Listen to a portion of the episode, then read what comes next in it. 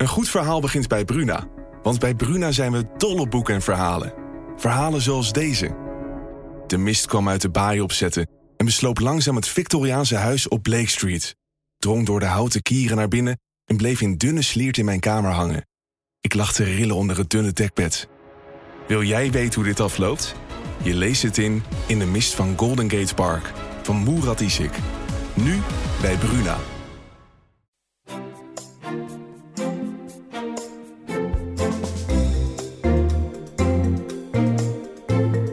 De DFT Podcast met Herman Stam en Martin Visser. Ja, niet alleen uh, Martin Visser is hier aanwezig in de studio, ook Harry van Gelder, onze retail-expert van de Financiële Telegraaf. Uh, een onderwerp waar we het al heel lang over wilden hebben. Het is er eindelijk uh, van gekomen. Zeker. Dat komt ook omdat jij heel vaak drukke dagen hebt. Dan denken we van nou, we gaan vandaag een podcast opnemen of iets anders doen. En dan valt er weer een, uh, een winkel om. En dan moet je heel hard aan de slag uh, voor de krant. Soms heb ik wel eens met je te doen. Dan zie ik uh, ja. het ene verhaal na het andere. Um, je vindt het zelf nooit zo fijn als ik erover begin. Maar je bent een beetje de eminence crisis van de redactie. Richting de pensioenleeftijd. Sorry, hebben we dit maar gehad, Harry? Hebben we dit maar gehad? Ja. Oké, okay, laten, we, laten we dit snel doen. Ik bedoel er eigenlijk mee te zeggen. Je hebt heel veel ervaring. Veel portefeuilles ja. gehad. Heb je het ooit wel eens zo gek meegemaakt van die de dagen dat het alleen maar van de de, de, de blokker dreigt om te vallen, de, de HEMA wordt overgenomen. Nee, op. nee, ik heb het nog nooit zo druk gehad als, als nu. Het is ook heel leuk om, om te doen. Maar het, het, het, nadeel is van dat je heel moeilijk dingen kunt plannen. We hebben natuurlijk al heel lang het idee om een keer wat aan die winkelstraat te doen. En het komt er maar niet van, want dan valt de Intertoys weer om. Maar dan is met blokken weer wat aan de hand. En is Hudson B weer iets, uh, gebeurt daar weer iets meer. Um, en, en, bovendien heb je natuurlijk dan moeten, is het niet alleen natuurlijk het schrijven voor de krant. Vroeger kon je dat natuurlijk even opsparen. En dan was er een deadline s'avonds. Mm -hmm. En dan uh, stond het de volgende dag in de krant. Maar het moet ook online. Nou, dit, de, dit uh, je moet naar de tv toe. dus dit is vaak heel druk, ja. ja. Nou ja, wij zijn heel blij dat we het komende half uur kunnen spreken over de toekomst van de winkelstraat. Martin is hier ook aanwezig. Die heeft wat, heel veel cijfers bij zich. zien. Ja. Die gaan we straks allemaal nou. doornemen. Maar ik wilde eigenlijk eerst even beginnen met een fragment. Ja, goed, iedereen kent het eigenlijk nog wel. Die toenmalige uh, Blokker-CEO, Rob Hezen was dat, uh, als ik het goed heb. Zeker. Uh, die ja. nou spreekt over de reorganisatie. En nou ja, hij heeft wat de talking points die hij maar blijft herhalen. Laten dat, we gewoon eventjes naar luisteren. Dat komt nooit meer goed.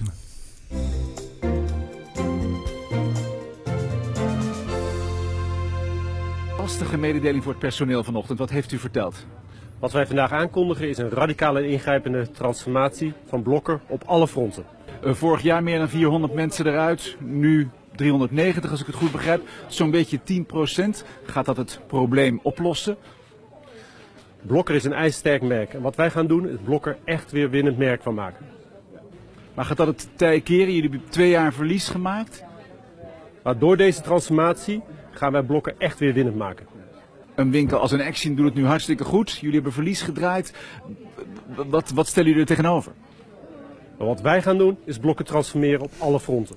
nou, gelach om hier. Uh, hij stond ja. er wel uh, standvastig in, uh, kunnen we in ieder geval zeggen. Nou, hij was, was volgepompt door het PR-bureau dat hij de, moest zeggen, praten over een radicale transformatie. En hij mocht het niet over die, het verlies aan arbeidsplaatsen hebben, maar alleen dat het beter ging. En ja, hij, hij ging voorkomen de mist in. Dat is een soort Rob Jette avant la lettre. Ja, dus, ja, ja, ja, dus, ja. En hij bleef er ook maar in zitten. En het werd, het werd erger en erger mm. en erger. Hoe gaat het met meneer Hees tegenwoordig? Ja, meneer Hees is goed terechtgekomen. Dat is, mm. dat is wel wonderlijk, want hij is eerst bij de HEMA geweest als inkopdirecteur. Nou, ging het ook niet al te geweldig.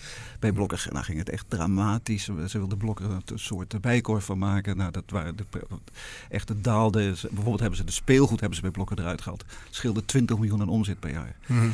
Uh, maar goed, hij is dus ontslagen bij Blokker. En wie schetst zijn verbazing dit jaar uh, in dienst is getreden bij, uh, bij Ahold. Ahold okay, hij ja. leidt AH to Nou, zijn bedrijf wat nog niet in probleem is eigenlijk. Hè? Dus... Nee, totaal niet nee, zelfs. Nee. Nee, Alhoewel wat steeds meer concurrentie ondervindt van Jumbo, met Jumbo Cities in de stad. Mm -hmm. Maar nee, dat is een goed lopend bedrijf. Ja.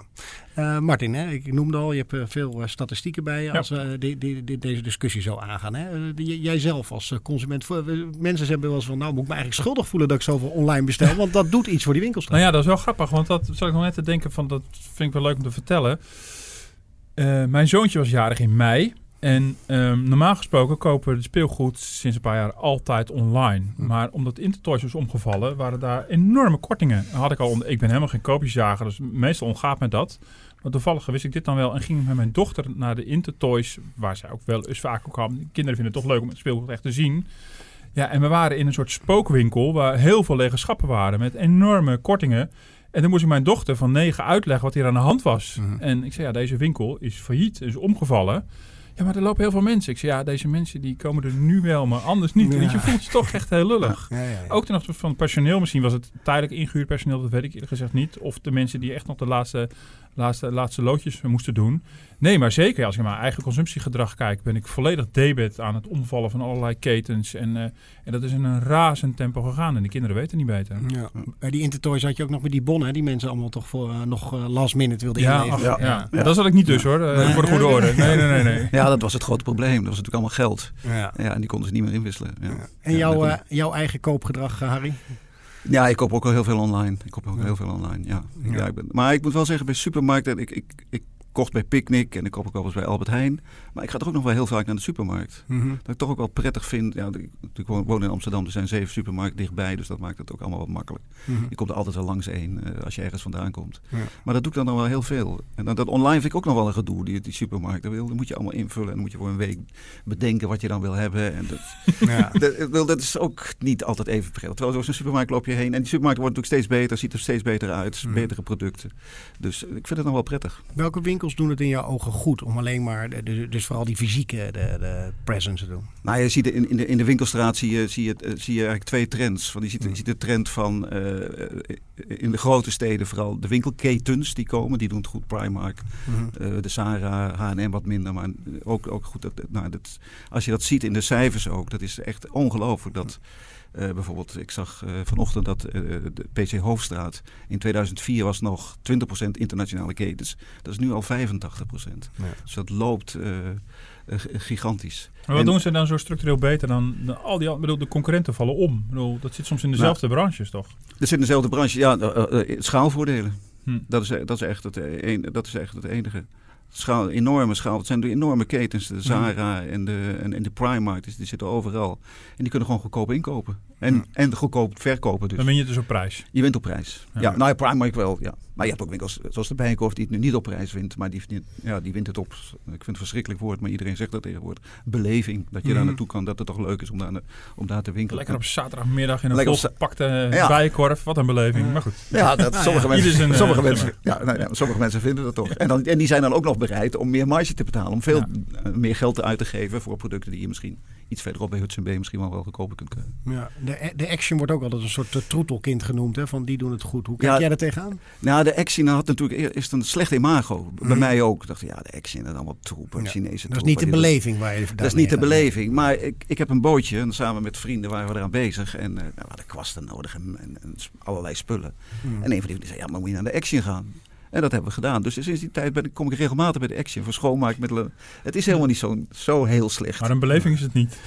Nou, het is ook een beleving, maar een andere, een andere beleving. Want er komt totaal ander publiek dan als je naar de Bijenkorf gaat. Dus als je een sociologisch eh, eh, eh, onderzoek wil doen naar de stad, is het wel heel grappig om te kijken wie er bij de Action komen en wie er eh, bij de Bijenkorf komen. Ja. Ik wil ook een paar winkels met je doornemen. Gewoon omdat mensen dat heel erg herkennen en benieuwd zijn naar hun toekomst. Eh, we hadden net even dat fragment van de blokker. Eh, hoe, wat gaat de blokker doen in de komende jaren in jouw ogen?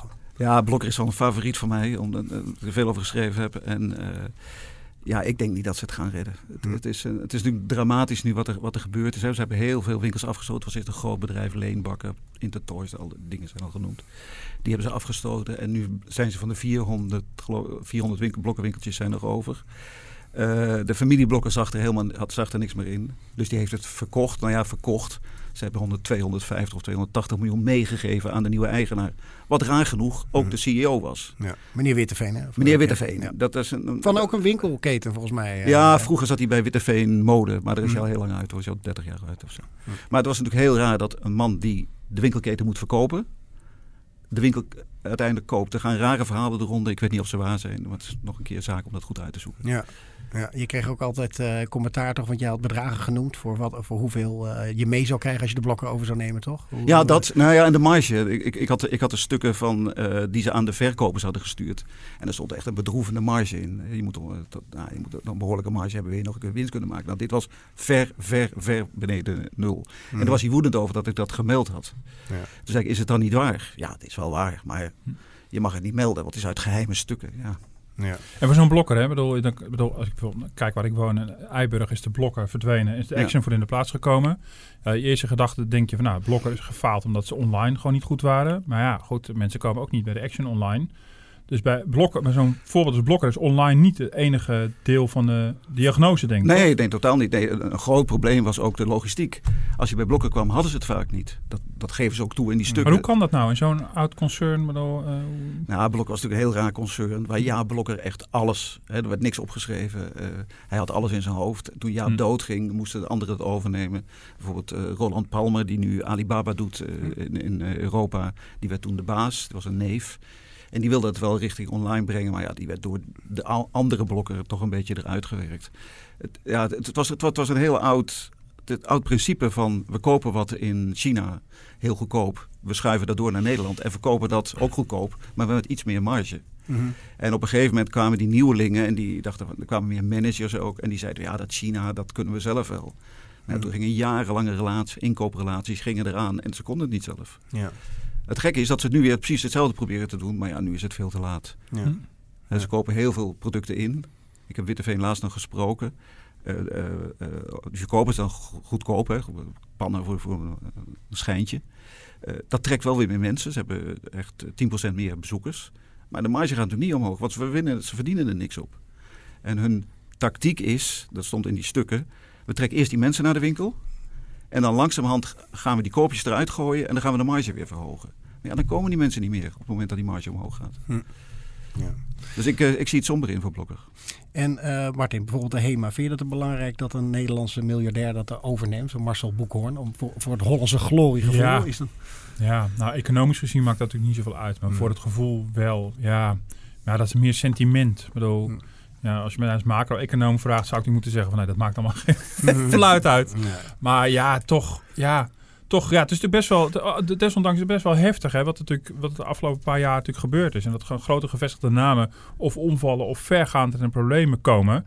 Um, maar goed, ja, weet je, dat, wij als consumenten doen dat natuurlijk ook allemaal. En die ondernemers die blijkbaar niet bij de tijd zijn, uh, zijn gebleven. Maar je mag toch ook wel voor die diversiteit van het landschap hopen dat we niet alleen maar straks alleen maar buitenlandse ketens hebben en wat kleine Nederlandse winkeltjes.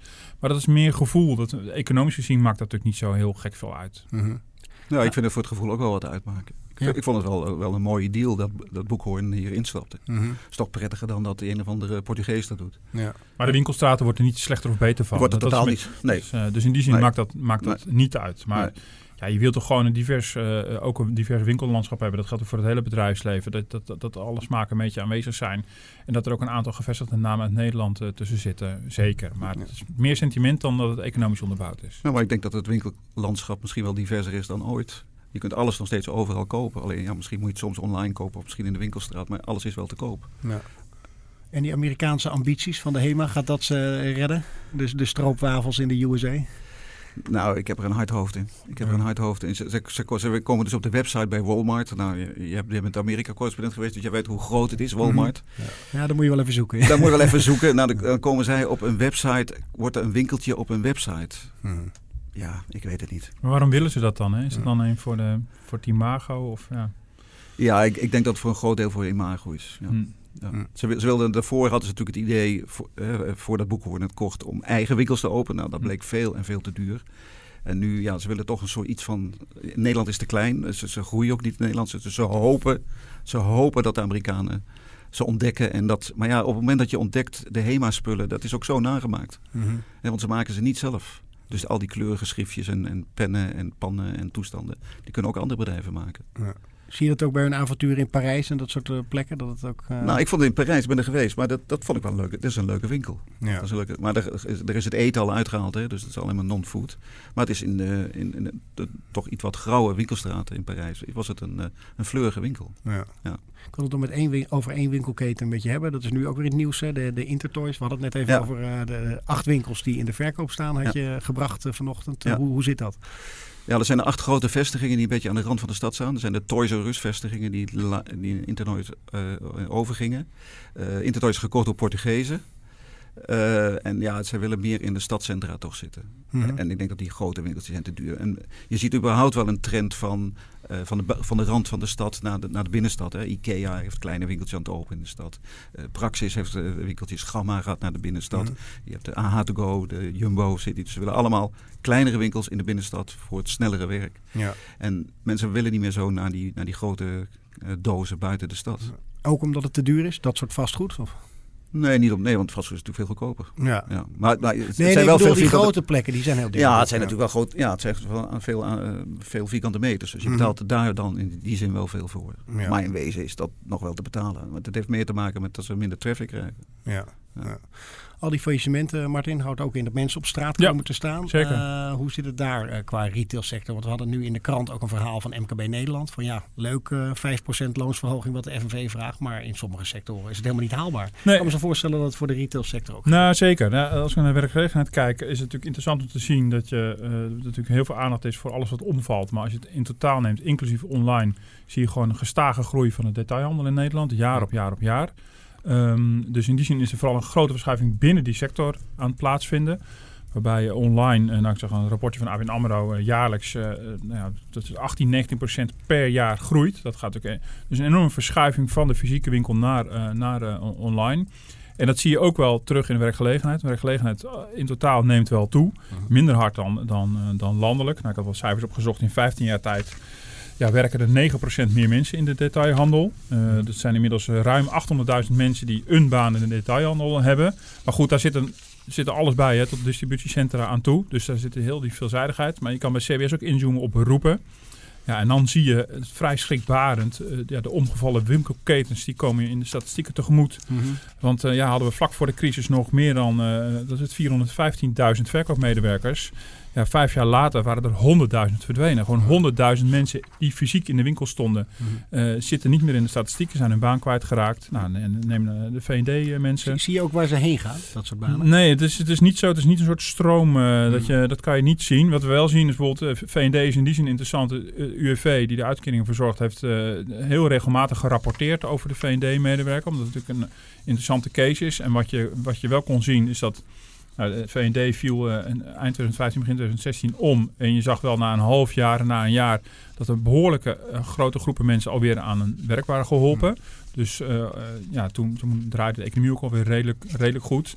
Maar dat vooral de 50-plussers het echt ongelooflijk moeilijk hadden. Die bleven heel lang in, in een uitkering hangen. Dus, dus daar zie je dus dat deze klap in de detailhandel weer niet overal gelijk neerslaan, eh, zeg maar. Nou, je ziet bij kassamedewerkers zeg je ook een enorme daling. eh, maar eh, ja, de, de totale werkgelegenheid neemt toe. Maar de, maar de, de, de verdeling... het lijkt dus heel erg wat dat betreft bijvoorbeeld op de bankenverzekeringsbranche. Er had ook heel veel administratieve en balie-beroepen en personeel zijn verdwenen. Maar tegelijkertijd is er heel veel IT-functie voor teruggekomen. Overigens is de totale werkgelegenheid daar wel echt wel gedaald. Eh, maar enorme verschuivingen binnen zo'n sector. En ik, mijn, mijn idee is, er zijn daar structurele dingen gaande. Maar die crisis heeft als een enorme katalysator gewerkt. Van iets wat er al aan zat te komen. Dat heeft een enorme eh zwieper eraan gegeven. Ja, en ja, ben je 50-plusser en stond je in de V&D... en deed je dat al een groot deel van je leven... en je was niet bijgeschoold of omgeschoold of wat dan ook... ja, dan stond je daar. En eh, dat is echt... dat vind ik in die zin is deze sector echt kenmerkend... voor een paar grote veranderingen... die er in meerdere sectoren plaatsvinden. Ja. Zie je een rol voor de overheid ook hierin? Om deze problematiek aan te Ja, al langer eigenlijk. Nou, dat hebben ze ook wel gedaan in de vorm van dat ze eh, de problematiek van de ouderenwerkloosheid op de kaart hebben proberen te zetten. Ehm, daar heb ik veel over geschreven ook. Toen iedereen het had over de jongerenwerkloosheid, dat ik zoiets, ja, dat is allemaal leuk en aardig. Maar eigenlijk gaat het om de ouderenwerkloosheid. Het blijkt uit tal van onderzoeken dat jongeren, daar is de werkloosheid al in, als het slecht gaat met de economie, snel heel hoog. Maar die komen uiteindelijk altijd op hun pootjes terecht. Het is heel vervelend als het je treft dat je door de crisis later aan een goede baan kan beginnen. Maar ouderen zijn mogelijk definitief, eh, eh, staan definitief aan, aan de zijlijn. Mhm. Ehm, ja, ik denk niet dat je daar per se allemaal eh, heel veel subsidie of wat dan ook in moet pompen. Maar wel dat je gewoon je realiseert, ja, dit is een kwetsbare groep. Stel je bent 50 en de overheid vraagt ook voor jou om tot je 66 of 67 door te gaan. Hoeveel jaren zijn het wel niet? Dat je WW, bijstand, eh, je vermogen opeten. Goedemorgen, dat, eh, dat, eh, dat, dat wens je mensen niet toe. Dus in die zin heeft de overheid al wel een rol en gebeurt dat ook wel. Maar ik vind eerlijk gezegd nog steeds dat het hele besef van het, het tijdig bijscholen van mensen, van ouderen met name, eh, dat dat wel heel langzaam, eh, heel erg langzaam indaalt. Ja. Harry, er is altijd veel eh, gestoeien van de bonden, onder andere bij Bijenkorf. Hoe reëel zijn die eisen van de bonden in jouw ogen? Nou, die zijn niet reëel. De marges, de- je ziet toch de marges bij de, bij de retail zie je, zie je teruglopen. En, en, en er is dan inderdaad in de werkgelegenheid groeit nog steeds, maar het groeit wel steeds minder. En ehm, als, je, als je kijkt naar de voorspellingen door de robotisering, zijn er natuurlijk heel veel mensen die nog in di- distributiecentra werken. Ja. Maar de voorspelling is, je ziet, elk bedrijf is bezig om, om daar eh, eigenlijk geen mensen meer in te zetten. Dat duurt nog even, begreep ik van, eh, eh, van Amazon. Mhm. Voordat alles, hè, want al, alle verse dingen kun je niet in doen. Maar over tien jaar is echt alles totaal ge- ge- gerobotiseerd en werkt er niemand meer. Dus daar komt nog wel wat aan voor deze mensen. Maar Ja. eh, qua bezorging bedoel je dan ook eh, qua met drones aan de deur eh, dat brengen? Nou ja, Of- zie jij een drone hier eh, door de binnenstad vliegen en al die drones die pakjes afleveren? Ik weet het niet. Of Ja. dat, of het begint in dat- bij de distributiecentra. het begint bij die Ja. distributiecentra begint het dat wat automatisch. Ja. Mhm. Ja, nou, voor de vakbonden is het echt een groot probleem. Hè. Ze eisen Ja. natuurlijk overal 5%, ongeacht eh, hoe het met de Ja. sector gaat. En vervolgens eh, moeten de, de bedrijven in die desbetreffende sectoren maar die 5% omlaag zien te praten. Eh, en dan zullen ze in detailhandel zeggen, maar k- kijk eens hoe, hoe scherp de marges hier zijn. Ja. Vakbonden wijzen op een aantal eh, ketens waar, eh, waar, eh, waar, waar rijke buitenlandse eigenaren achter zitten. Maar dat is natuurlijk geen argument. Ja, je kan zeggen, die rijke familie uit Canada moet het maar ophoesten. Maar het gaat ook om die business case gewoon hier. En ja, daar zie je de vakbonden mee worstelen. Want tegelijkertijd zijn die veranderingen enorm. De distributiecentra, niet voor niks dat daar bijvoorbeeld ook, ook al een aantal conflicten zijn geweest. In dit geval heeft het misschien niet zoveel met online te Hmm. maken, maar daar is wel met AH, met Albert Heijn en met Jumbo is natuurlijk ook conflicten geweest. Met Jumbo nog steeds, over waar geen CAO eh, dan is. Ja. Nou, bij Amazon ook. hè. Er is nu ook Ja. een groot conflict, want ze hebben binnenkort Prime Day. En er wordt eh, gezegd, eh, de, de mensen zeggen, nou, dan gaan we staken. Nou, dat zou toch een ramp zijn voor Amazon. Ja. Dat is dus de dat dag dat, dat je meer koopjes Ja, dat, ja dat, je- dat Ja, iedereen ja. spullen gaat kopen. Maar je, ziet, dat- maar ziet wel in die cao's, dat zie je steeds meer, dat zie ik zag bij de Bijenkorf en ook een paar anderen, dat er steeds meer een prikkel is van als je beter presteert, dan krijg je ook meer geld. Eh, het is niet meer zo van, nou we krijgen allemaal dezelfde loonsverhoging. Er zit, zit toch een trapsgewijze eh, eh, loonstijging in. Ja, Nou, en overigens over het staken. Bij Jumbo hebben ze ook gestaakt. Maar die staking was heel makkelijk gebroken. En daar bleek dus dat de vakbonden zogezegd wel een hoge organisatiegraad hadden. Tenminste, dat beweren ze zelf. Maar er werken zoveel flexwerkers en vermoedelijk ook niet-Nederlandse werknemers... dat die misschien wel lid zijn, maar vervolgens gewoon niet gaan staken... omdat ze gewoon geen positie hebben om te staken. Dus je ziet, de vakbond die ziet die lange lijn inmiddels ook veel te laat in mijn, eh, in mijn Ja. optiek. En die, de- de- een keer daar laten vertellen... dan zie je natuurlijk eerst dat eh, het werk wordt omgezet in flexwerk... en de volgende stap is dat het omgezet in geautomatiseerd werk... Nou goed, voor robots hoeft de vakbond niet meer op te komen. Maar, bedoel, maar ze willen natuurlijk wel die veranderingen begeleiden. Die mensen die het treft, willen ze daarin begeleiden. Ja, en dit lijkt me dan net niet de sector waar je met die 5% moet komen. Hier spelen echt heel andere dingen. Verder, er zijn heel veel sectoren waar de vakbond gewoon vooral zich hard moet maken voor een flinke loongolf. Mhm. Maar hier nou uitgerekend net niet. Hier gaat het echt om kwetsbare mensen beschermen. Kijken of je daar kan zorgen dat er geïnvesteerd wordt in die mensen. Dat als werkgelegenheid gaat verdwijnen. Dat soort werkgelegenheid. Dat mensen op andere plekken of in de de- detailhandel of daarbuiten weer aan de slag kunnen. Ja. Ik denk dat er voor de, vak, de vakbeweging hier ook wel wat heeft laten liggen. Dat inderdaad in de bescherming, in gewoon niet te veel nachten werken, eh, dat daar wel wat te halen was. Niet in geld, maar wel in betere arbeidsvoorwaarden. En voor mij is daar een gezamenlijk belang. Ik denk dat de werkgevers uiteindelijk Zeker, ook belang bij hebben dat mensen gewoon op een soepele manier gewoon op een andere plek terecht kunnen Ja, komen. Die distributiecentra die zitten natuurlijk allemaal bij elkaar daar in, in, in Brabant. Al die mensen, die, eh, al die bedrijven die pakken de, dezelfde mensen. Dus die moeten die werkgevers ook, werknemers ook wel wat bieden. Want anders gaan ze naar, naar een ander toe. Ja. Dus ze hebben wel een belang om iets doen. En als ze dat nou gezamenlijk doen, dan kan, had dat best gekund. Ik denk dat de vakbond hier is doorgeslagen op, op de lonen. En dat er elders wel wat eh, te halen was. Ja. Hey, in die winkelstraat zelf, hè, mensen maken zich enorme zorgen van gaan we in een soort spooksteden leven? Hoe gaat het in jouw ogen eruit zien over een jaar of tien? Nou ja, de, de trend is duidelijk en die is al heel jaren aan de gang. De grote steden, daar gaat het prima mee. Dat, eh, Mhm. Daar is niks aan de hand. En vooral mede ook door die internationale ketens. Want die gaan niet meer zoals vroeger de VND die overal zat op de blokken of de Zeeman. Of hoe, dat doen ze niet meer. Ze gaan in de grote steden zitten. Mhm. En je ziet de middelgrote steden, daar is het dat is dramatisch. Maar ook niet overal. Eh, maar je ziet wel, eh, de, de, de steden die, die, die kiezen, die, die, die het goed voorbereiden, die goed over nadenken. Enschede is een voorbeeld. Dat, en die hebben ook veel eh, mensen die uit Duitsland komen kopen. Daar gaat het best goed mee. Maar als je dan daarnaast Almelo kijkt, Ja. daar gaat het dramatisch mee. Maar goed, mensen uit Almelo kunnen natuurlijk wel in winkelen in, eh, in Enschede. En dat is voor mij precies het punt. Ja. Als je een grotere stad in de buurt hebt, die concurreert jou dan weg. Die concurreert jou weg. Ja. Want mensen willen toch alles hebben. Of hè, ze willen gaan niet. eh, ze, ze willen, ze willen toch alles hebben in, in de buurt om te fun shoppen en te kijken en te vergelijken. En je ziet als, eh, als de leegstand komt, ja, dan wordt, het, dan wordt het minder en dan wordt het van kwaad tot erger. Ja. En vooral de middelgrote steden, ja, die hebben echt een groot probleem tussen 40 en, en 100.000 inwoners. Maar wat doet zo'n Enschede specifiek dan? Wat, Ja, die hebben een, een beleid, die hebben wat, wat ketens aangetrokken. eh, die, eh, die, die hebben, die hebben het mogelijk gemaakt om wat makkelijker te vestigen. Die hebben ook eh, wat ruimte gemaakt. Die hebben eh, wat culturele activiteiten ernaast gezet. En, maar denk je dat het andersom had gekund? Ik bedoel, Omdat Almelo is een kleinere Nee. stad dan Enschede. Dus eigenlijk, Almelo had niet het Enschedeze trucje uit kunnen halen volgens Nee, mij. nee, dat is ook zo. Daar heb je, ik denk dat je gelijk in hebt. Het is ook een beetje geluk en het is ook een beetje het imago wat je als stad En waarschijnlijk het kleinere dorp wat daar nou weer naast ligt, heeft weer geen probleem. Want eh, de, de kleinere kern heeft ook gewoon een basisvoorziening nodig. Aan Precies, de kleinere kern die, Ja. die, die, die kan zich gewoon richten op echte Mhm. basisdingen die je dagelijks nodig hebt. Maar niet Ja. meer, geen modezaken meer, geen eh, brillenketens. Nou, voor die binnensteden, van die, van die middelgrote steden, is het natuurlijk dramatisch. Natuurlijk. dramatisch, De, leefbaarheid daarvan. eh, Ja. ja. En je ziet ook het, het aantal verkooppunten het daalt en het daalt vooral daar. Dat is vorig jaar met 2000 verkooppunten gedaald. Mhm. Het, het gerare is dat de leegstand niet daalt. En dat komt omdat eh, heel veel steden nu... Vroeger had je een bestemming, een winkelbestemming en een woonbestemming. En heel veel steden geven nu al een winkelwoonbestemming. Dus als het geen winkel meer is, mag het, een woon, eh, eh, woon, mogen het woningen worden. En dat, dat gebeurt ook steeds meer. Dus in Nederland zie je eigenlijk een daling in de leegstand, gemiddeld. Mhm. Omdat veel eh, winkels een andere bestemming krijgen. Makkelijker een bestemming En dan krijgen. krimp je natuurlijk langzamerhand krimp je dat winkelcentrum in. als Dat het krimp je in, ja, Ja. dat krimp je in. En Maar dat kan dus niet te klein worden, want dan, dan komen ze gewoon niet meer. Ja. En schets eens wat voor soort winkels je over tien jaar daar allemaal kan vinden. Wat In voor jouw winkels? ogen? Ja, hoe, hoe zie je Nou, eruit dan? Nou, ik denk dat je alle, alle winkels, dat je alles dan gewoon kunt kopen. Dat, Ja. want je ziet natuurlijk ook de, de online ketens als Coolblue, die ook eigen winkels openen, waar je toch weer witgoed kunt bekijken of eh, elektronica. Wat. Ja, dat je dus meer eigenlijk weer fysiek het kan zien voordat je het laat bezorgen Ja. bij je thuis. Ja, en, en het, het- het is ook de, de trend is ook niet zozeer online of offline, maar on-live heet dat eh, vaak. Mhm. Dat gewoon het samen gaat. Je moet het, je moet het samen hebben. Maar wel veel minder winkels dan, dan vroeger. Dus Mhm. het, aantal winkels wordt al veel Maar kleiner. je gaat je online oriënteren en dan gaat het vervolgens in de Ja. winkel kopen. Ja. Nou, Oh, dat, is Ja. natuurlijk wat er, wat Ja. er enorm veranderd is. Hè. Vroeger kreeg je een folder in de bus of je, je hoorde Mhm. bij de buren van... God, dat is een leuk koopje. Maar tegenwoordig zie je het op internet. Of eh, ja, en oriënteer je je daar en dan kijk je, al- weet je al wat je wil hebben. En dan ga je kijken waar het goedkoopst is. Of dat je toch nog even wel, eh, wil kijken hoe het eruit ziet. Ehm, dus Ja, kijk, de tijd dat je natuurlijk eh, bij een wasmachine naar twee wasmachines keek en allebei staat zo'n bordje en dat je gaat uitzoeken wat zijn de verschillen.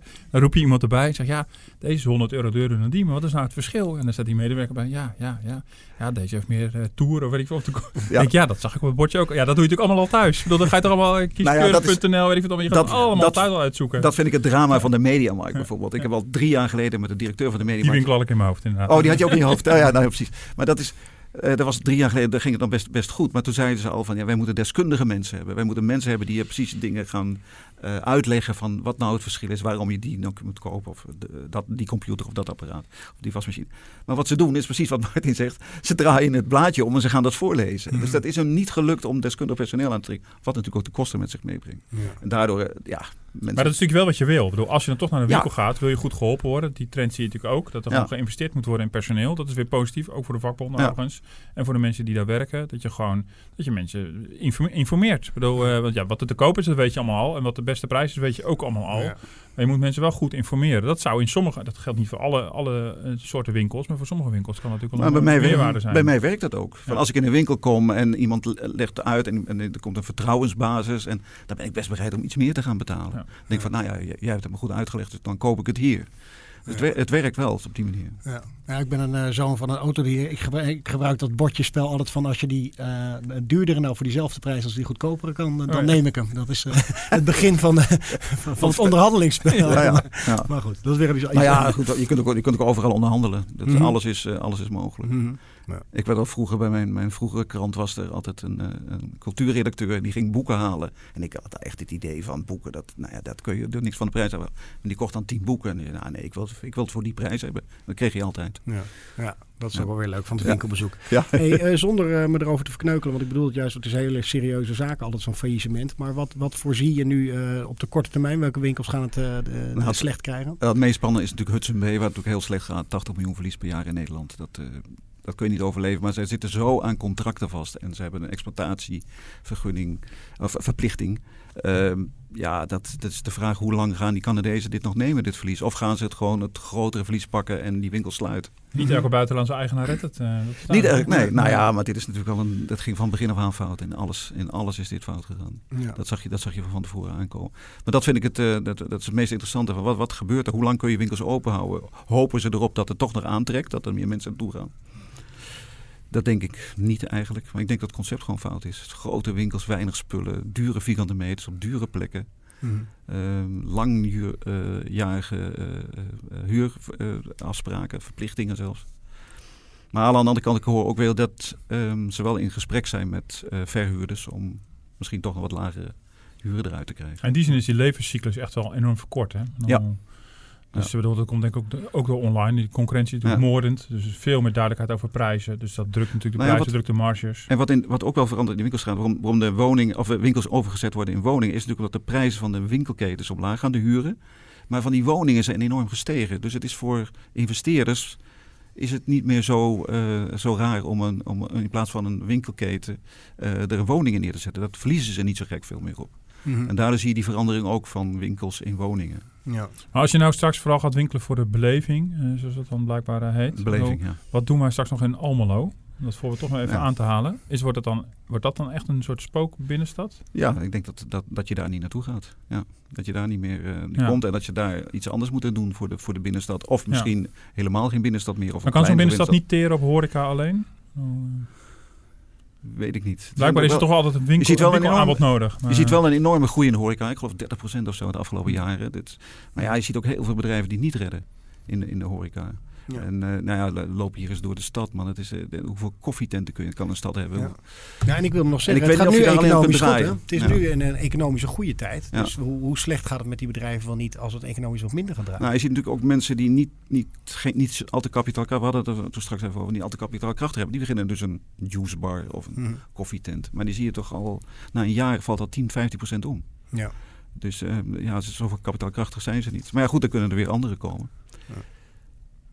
Martin, maak jij jezelf eh, zorgen erover? Nou ja, voor zulke steden natuurlijk wel. Ik bedoel, eh, tegelijkertijd, ja, eh, denk ja, is het heel erg als je een stad hebt waar je vooral woont. Ik bedoel, kan misschien ook wel gezellig zijn, maar voor de, Ja. voor de levendigheid hebben we toch altijd dat, dat shoppen allemaal nodig. Nou ja, voor de sociale... eh, Om, Ja, het, het die- sociale is natuurlijk ook slecht. Precies, nou ja, dat ziet de detailhandel ook van. Ze hebben ook een maatschappelijke functie in, Ja. die, in die zin. Kijk, leegstand is natuurlijk het allerergste, dat je een soort sp- spookgebeuren krijgt. Ja. Als het nieuwe bestemmingen krijgt, kan dat. En dan, maar het gaat natuurlijk wel het karakter van zulke soort steden natuurlijk wel veranderen. En, eh, eh, maar goed, ja, uiteindelijk doen we, we doen het, Ja, dus het gaat om, veel eh, steden. ja. Het gaat om veel steden. Het gaat om de middelgrote steden. Dan, eh, van, hè, van 40 tot 100.000. Nou, daar hebben we er aardig wat van. Ja. Het gaat niet, eh, niet eh, om, om, om weinig. En, en je ziet ook, in die steden gaat het slecht. Maar als je aan de randen van het land kijkt. hè, Oost-Groningen, eh, Zeeland. Ja, daar gaat het helemaal dramatisch. Ja. Ik wil jullie hartelijk eh, bedanken. De tijd zit er alweer op. Nou, het Eh, gaat alweer snel. Ja, het gaat snel.